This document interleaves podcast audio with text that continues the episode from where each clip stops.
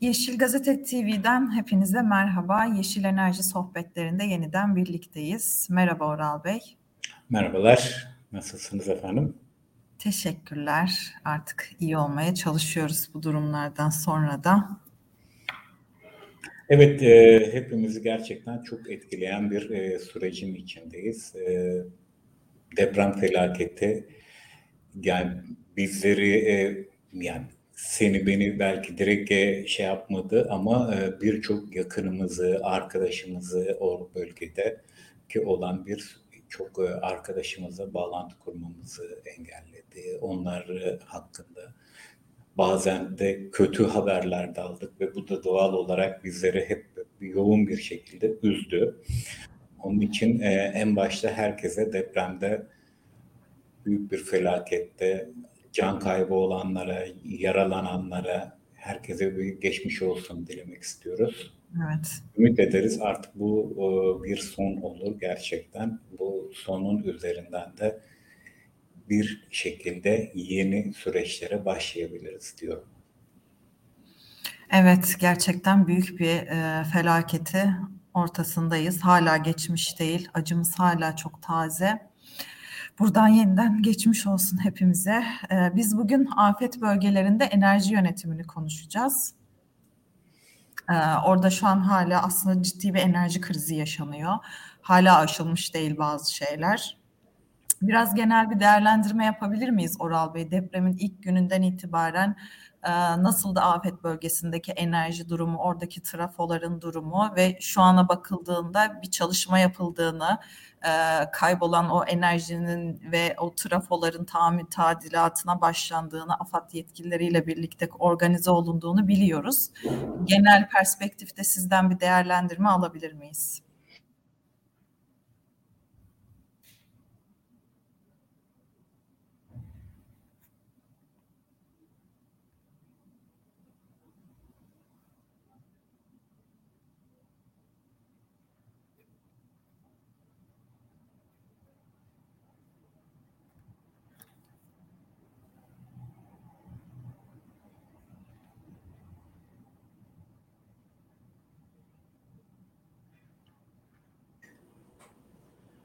Donduk mu yoksa sadece yayın mı kesildi?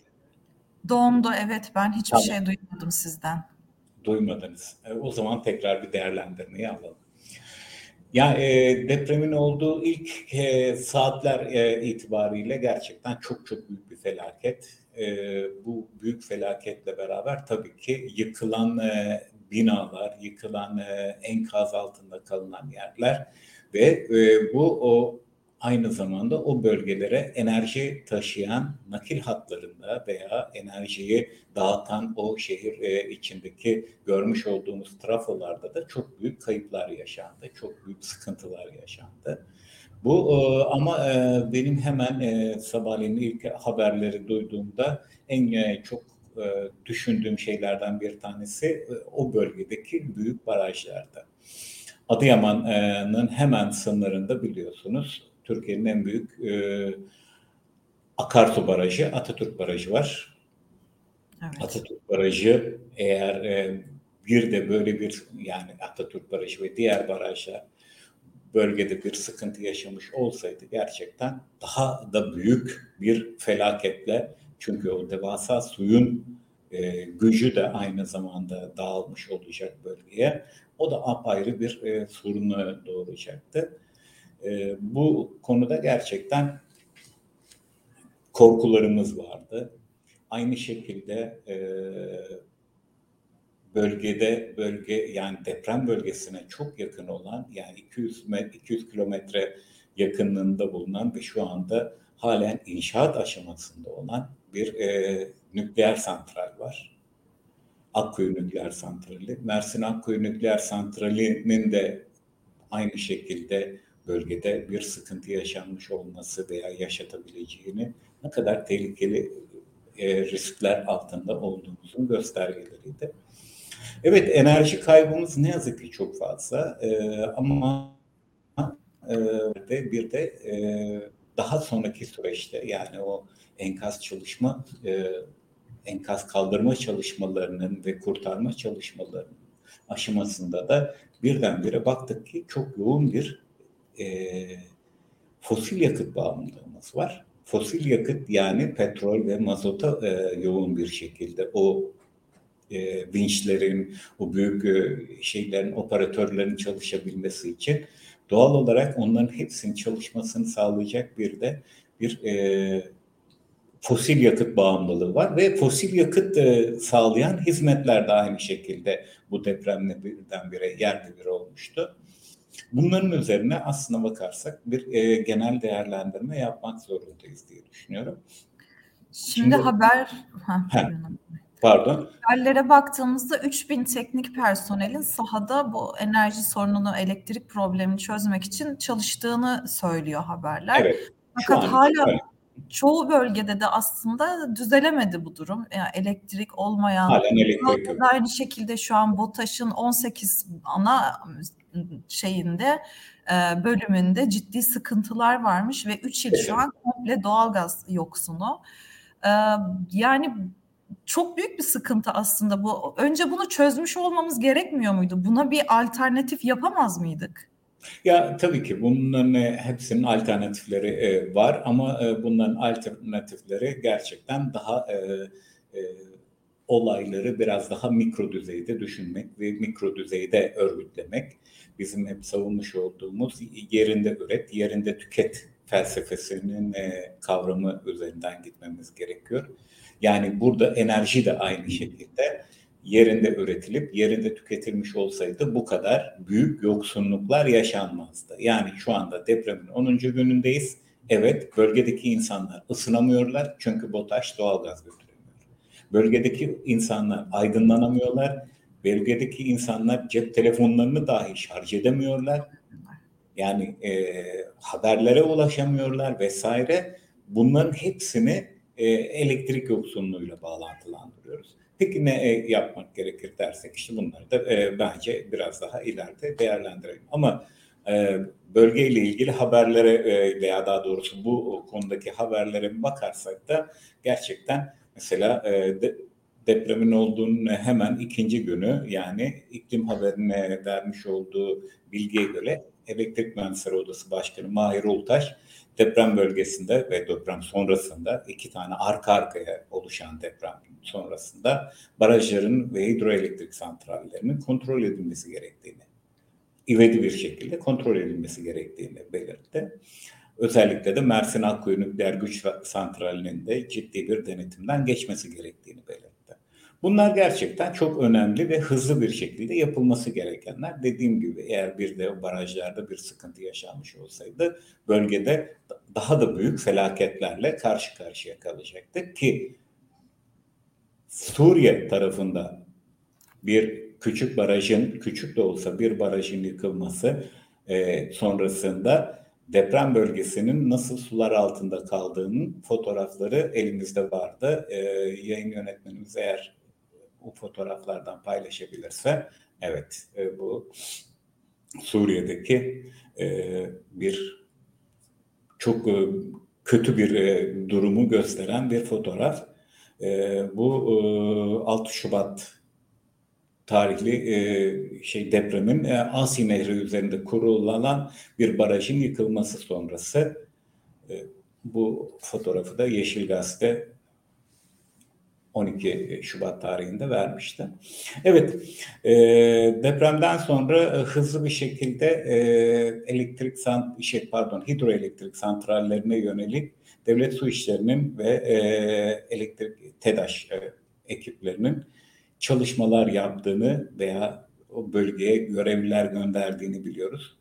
Hidroelektrik santrallerinde şu an için herhangi bir e, tespit veya daha doğrusu bir sıkıntı yaşanmadı ama e, Anadolu Ajansı'ndan dün yayınlanan bir haberde özellikle bölgede 8 tane barajda çatlaklar oluştu.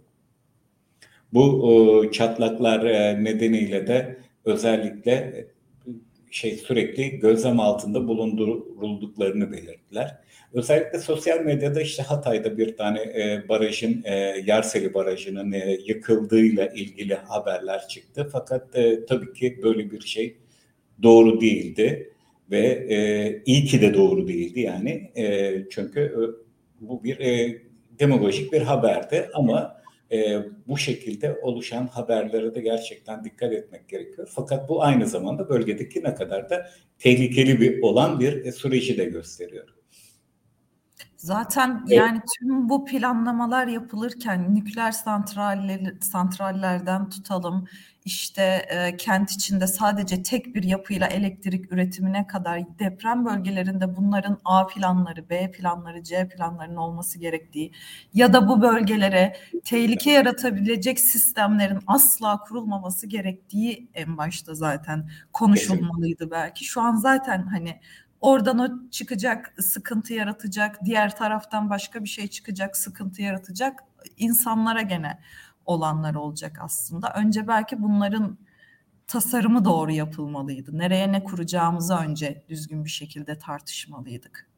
Kesinlikle ama yani bizim de hidroelektrik santrallerini özellikle Doğu ve Güneydoğu bölgesine yapmamızın gerekçesi oradaki su kaynaklarının yoğun olması o 1970'li yıllarda Türkiye'nin de içinde bulunmuş olduğu veya daha doğrusu bütün dünyada çok modda olan hidroelektrik santral yapılması e, bizde de siyah, e, işte o bölgelerde kurulmasına neden oldu. Malatya'daki Sultan Suyu Barajı'nda bir e, büyük bir çatlak e, vardı. Bu dezenformasyon e, yani daha doğrusu deformasyon, dezenformasyon değil, deformasyon nedeniyle de tedbir amaçlı olarak da barajdaki suyun boşaltılmaya başlandığını biliyoruz.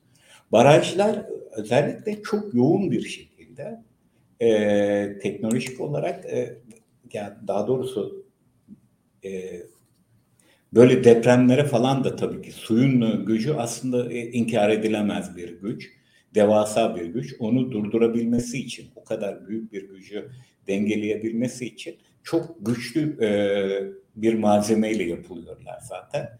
Büyük barajların hepsinde böyle bir şey var. Ama büyük barajlar aynı zamanda bölge ekosistemini de çok bozdukları için yapılmaması gereken veya bunlardan uzaklaşılması gereken yapılar. Fakat dediğim gibi 1970'li yıllarda Türkiye'nin de içinde bulunduğu bir e, yapıyla o süreçte hızlı bir şekilde hidroelektrik santralleri yapıldı. 1990'larda da özellikle Karadeniz bölgesinde küçük ölçekli hidroelektrik santralleri yapıldı. O küçük ölçekli hidroelektrik santralleri de küçük e, nehirleri deki suyu olduğu gibi sadece elektrik üretim amaçlı kullanmak üzere yapılmıştı. Tabii ki onlar daha büyük bir felaket çünkü o küçük dere, dere gibi e, akan yapıyı aslına bakarsanız daha da tehlikeli bir şekilde sokuyorsunuz. Bölgede yani e, hidroelektrik santrallerinde durum bu. E, ama e, şeye geçelim, nükleer güç santraline geçelim. E, Mersin Akkuyu'daki nükleer güç santralinden hemen bir saat yani depremden hemen bir saat sonra bir açıklama geldi. Nükleer Santral e, Genel Müdürlüğü'nden. Genel Müdür e, Akkuyu Nükleer AŞ'nin genel müdürü Anastasia Zoteva. Doğru telaffuz ediyorum inşallah. Deprem sahası, depremin sahada sadece 3 şiddetinde hissedildiğini yansıttı.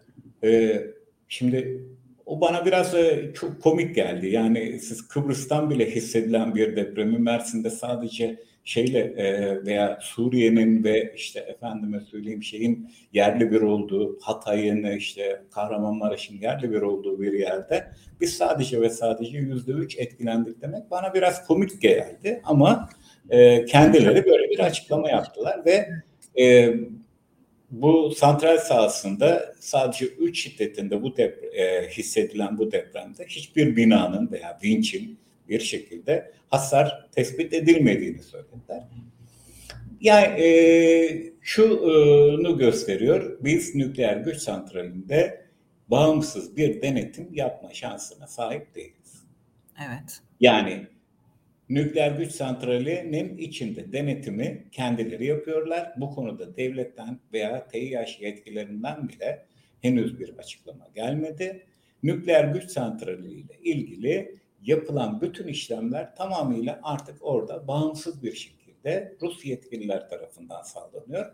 Ve bu da bizim aslına bakarsanız ne kadar büyük bir tehlike altında olduğumuzun da göstergesi. Ben e, bunun altını bir kez daha çizmek istiyorum.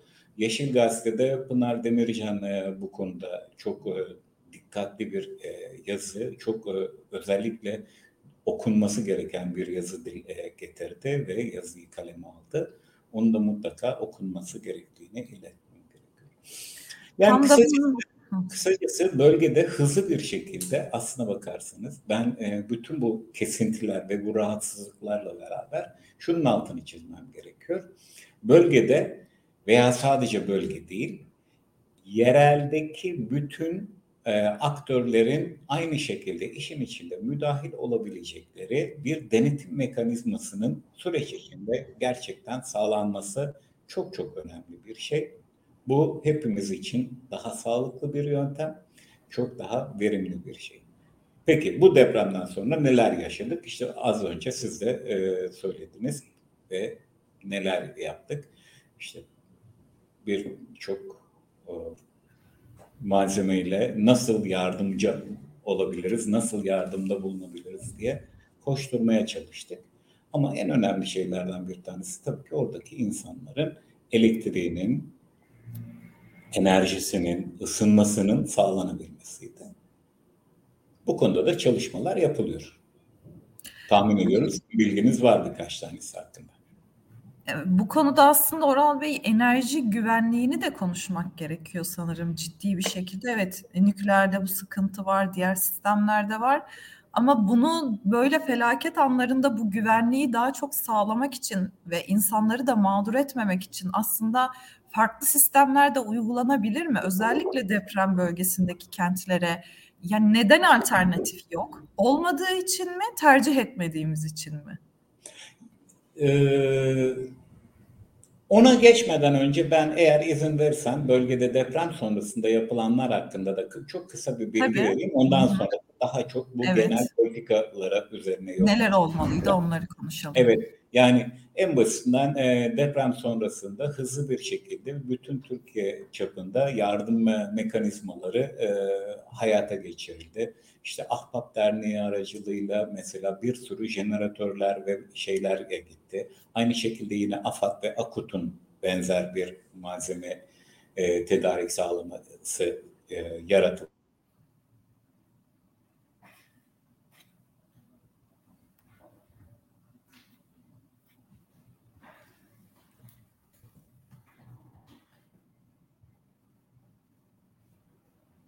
Duruyorum. Evet, güneş enerjisiyle ilgili sektör derneklerinin de e, yoğun bir şekilde e, sürece destek verdiklerini biliyoruz. Hatay çevresinde yoğun olarak bulunan e, rüzgar santrallerinde herhangi bir sıkıntı olmadığını gördük. Aynı şekilde bölgede e, termik santrallerde de bir sıkıntı olmadığını gördük. Ama buralardan Bölgeye elektrik dağıtımı yapılabiliyor mu? Hayır. Ne yazık ki yapılamıyor. İşte onlar enterkonekte sistemle yine e, Türkiye'nin e, dağıtım şey Türkiye'nin diğer bölgelerine dağıtılmaya çalışılıyor. Ama e, Elbistan'daki termik santrali olsun, işte Hatay'daki dediğim gibi rüzgar santralleri olsun, onlar da dediğim gibi herhangi bir şey yok. Fakat bölgeye özellikle güneş sektöründeki dernekler hızlı bir şekilde hemen güneş panelleriyle elektrik e, sağlanmasını sağlayacak küçük e, sistemler götürdüler.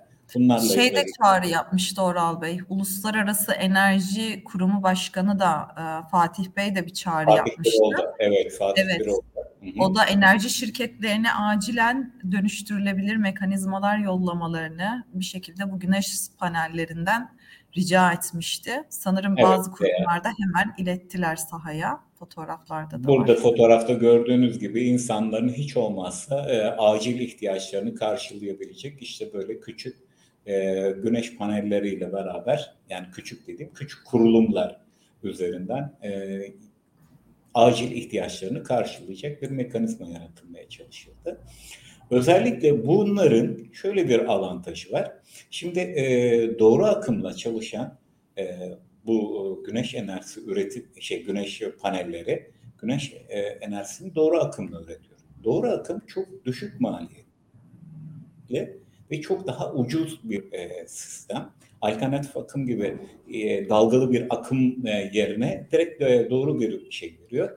Veya LED, ve LED ışıklarla çok hızlı bir şekilde uzun bir sürede ve çok daha ucuza yani e, 6'da birine 7'de birine kadar ucuz bir maliyetle e, siz orada elektrik e, üretimini sağlayabiliyorsunuz. Elektrik imkanı yaratabiliyorsunuz. Buradaki dört tane panelle işte o, neredeyse o çadır kentin aydınlatmasını sağlayabilirsiniz. Bence çok e, daha böyle pratik şeyler yapmaya başladılar ve e, bu konuda da destek vermeye çabalıyorlar. Halen sektör dernekleriyle dönem dönem görüşüyoruz. Dönem dönem onların da bilgiler geliyor veya onların bilgilerini takip ediyoruz. Böyle bu şekilde e, malzemelerle şimdi de e, doğru akımlı ısınma sistemleri üzerine e, çözümler üretmeye çalışıyorlar vesaire. Ama Fatih Bey'in de özellikle Uluslararası Enerji Ajansı e, Direktörü Fatih Biroğlu'nun da belirttiği gibi gerçekten daha dönüştürülebilir sistemlerin sağlanması gerekiyor.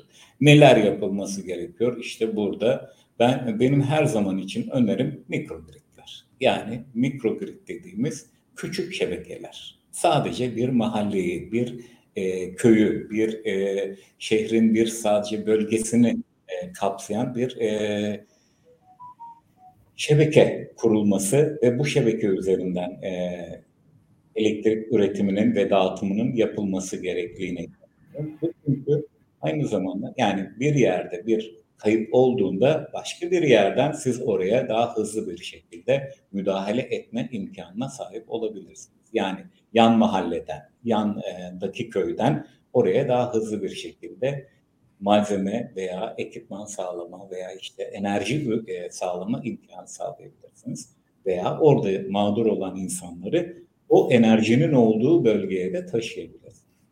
Bu sadece elektrik anlamında diye düşünmemek gerekiyor. Merkezi ısıtma sistemleri üzerine artık daha yoğun bir şekilde köylerde ve şehirlerde bunun üzerine yoğunlaşılması gerekiyor. Mesela biz Türkiye'de e, Batı bölgesinde yani Ege bölgesinde yoğun bir şekilde jeotermali şehir ve konut şey ısıtma sistemleri için kullanıyoruz.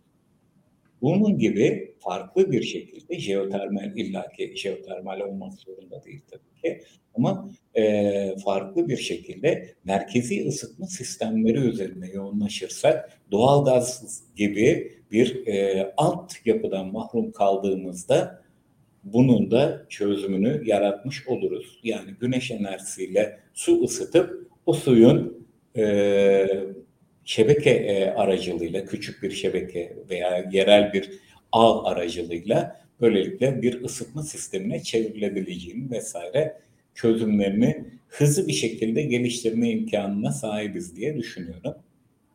Bunu şey gibi düşün. Hani bu e, damlama sulama sistemleri vardır ya e, e, yol kenarlarında, tarlalarda, bahçelerde çok görürüz.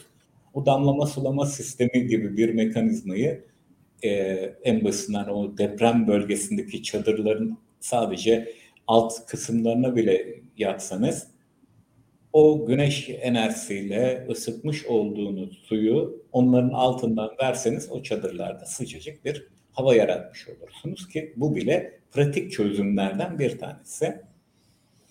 Ama e, dediğim gibi burada elektrikte ve elektrik üretiminde hızlı bir şekilde bence yerel e, ağlara, küçük ve mikro e, ağlara ihtiyaç duyulduğunun göstergesi diyorum.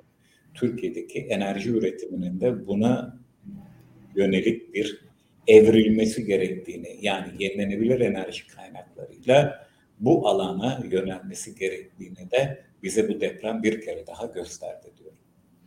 Özellikle köylük bölgelerde değil mi Oral Bey? Köylüler, köylerin yoğun olarak olduğu bölgelerde çünkü Kesinlikle. böyle afetlerde onlara ulaşmak çok ciddi sıkıntıydı. Evet, onlar Yaşadık zaten en son ulaşılan kesim oluyor. En çok onlar mağdur oldu. Gerçekten hiçbir şekilde yardım alamadılar. Kendi kendilerinin tabiri caizse başının çaresine bakmak zorunda kaldılar. Bu durumda aslında belki onları bundan sonrası için onları önceliğe koyarak belki daha yerelde bu küçük toplulukları biraz daha en, en azından enerji yönünde güçlendirme yoluna gidilmeli diye düşünüyorum ben de. Evet, bunun, bunun için de zaten yapmış olduğumuz o e, enerji kooperatifleri çalışmaları bence bunun e, altyapısı ve temelini oluşturuyor. Daha da hızlı bir şekilde topluluk bazlı enerji üretimine hızlı bir şekilde geçmemiz gerekiyor. Yani bu alanda daha yaygın bir çaba harcamamız gerektiğine inanıyorum. Ya aynı zamanda bu yani şu andan sonra da artık kentler tasarlanırken belki farklı enerji opsiyonlarını da az önce bahsettiğiniz gibi mikro grid gibi belki her zaman kullanmayacaklar evet ama en azından böyle felaket durumlarında devreye sokabilecekleri bir B planlarını şehre acilen adapte etmeleri gerekiyor diye düşünüyorum. Şimdi İstanbul konuşuluyor mesela. İstanbul'da bu tarz tedbirler var mı bilmiyorum. Belki daha büyük riskler de vardır ama Bunları acilen kentlere sanırım adapte etmek gerekiyor. Tabii ki yani o bölge e, yani şimdi e, sorunun yani bundan sonra depremin beklendiği bölgelerde işte bunların içinde en büyüğü tabii ki İstanbul. İnsanlar yoğun bir şekilde bölgelerindeki işte yerel yönetimlere, e, meslek odalarına yani inşaat mühendislerine, jeofizik, jeoloji mühendisleri odalarına vesaire durmadan e, telefon ediyorlar, geliyorlar veya işte bilgi almaya çalışıyorlar. Benim e, evim ne kadar sağlam, ne kadar dayanıklı, ne kadar şey diye.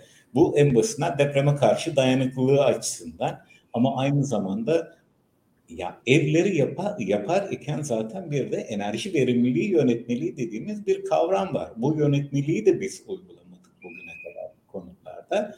Yani sağlam bir bina yapmış olsaydık o sağlamlıkla beraber zaten biz enerjiyi de yani içindeki var olan ısıyı da koruyabilen bir konut yaratmış olacaktık. Ama biz evet. binaları e, daracık e, duvarlarla, küçücük e, şeylerle, yapılarla yaptığımız için bu sefer doğal olarak ısıyı da hızlı bir şekilde kaybettik. Ve bunu karşıda işte çe- çeşitli böyle çok e, pratik sözde pratik çözümler üretmeye çalışıyoruz. Ama onlarla da ne yazık ki bu ısı yalıtım malzemelerini kullanmak gibi vesaire onlarla da ne yazık ki istediğimiz sonuç alamıyoruz. Onun için gerçekten daha etkin ama ben hepsinin ötesinde e, bu bölgelerde bundan sonra yapılacak olan bütün çalışmalarda mutlaka yerel katılımın acil bir şekilde işin içinde olması gerektiğini inanıyorum. Deprem bölgesinden sonra yani depremden hemen sonra insanlardaki aciziyeti gördük. Çünkü bu binayı nasıl kaldırması gerektiğine dair bir bilgisi yoktu. Ve enkazı nasıl kaldırması, enkaz altında kalan arkadaşlarına, akrabalarına, işte yakınlarına nasıl ulaşacağına dair hiçbir bilgisi yoktu. Bunlar bile bize aslına bakarsanız nerelerde adım adım ve yerel bir şekilde katılımla katılım süreçleri yaratmamız gerektiğine inanıyor. Aynı şekilde enerji de bunların başında geliyor. Kesinlikle Oral Bey. Bugün çok karamsar konulardan söz ettik. Evet. Evet ama e, halen umudumuz var. Bundan sonraki süreçlerde halen umudumuzu besliyoruz. Bundan sonraki süreçlerde daha etkin bir şekilde yine katılımcı mekanizmalarla bir şekilde çözümler üretilebileceğine inanıyorum diyorum ben. Evet, yeniden hepimiz geçmiş olsun. Konuşmak çok zor ama bir yerde de bizlerin bunları konuşmamız gelecekte olabilecek şeyleri engellemek için çok önemli ve şu an artık yıkıldık evet ama yeniden yapıldığında bazı şeyler artık farklı olmalı ve değişim gerçekten önemli artık hepimiz için ama doğru değişim önemli. Hepinize iyi günler diliyoruz. Yeniden bir sonraki programda görüşmek dileğiyle. Hoşçakalın. İyi günler.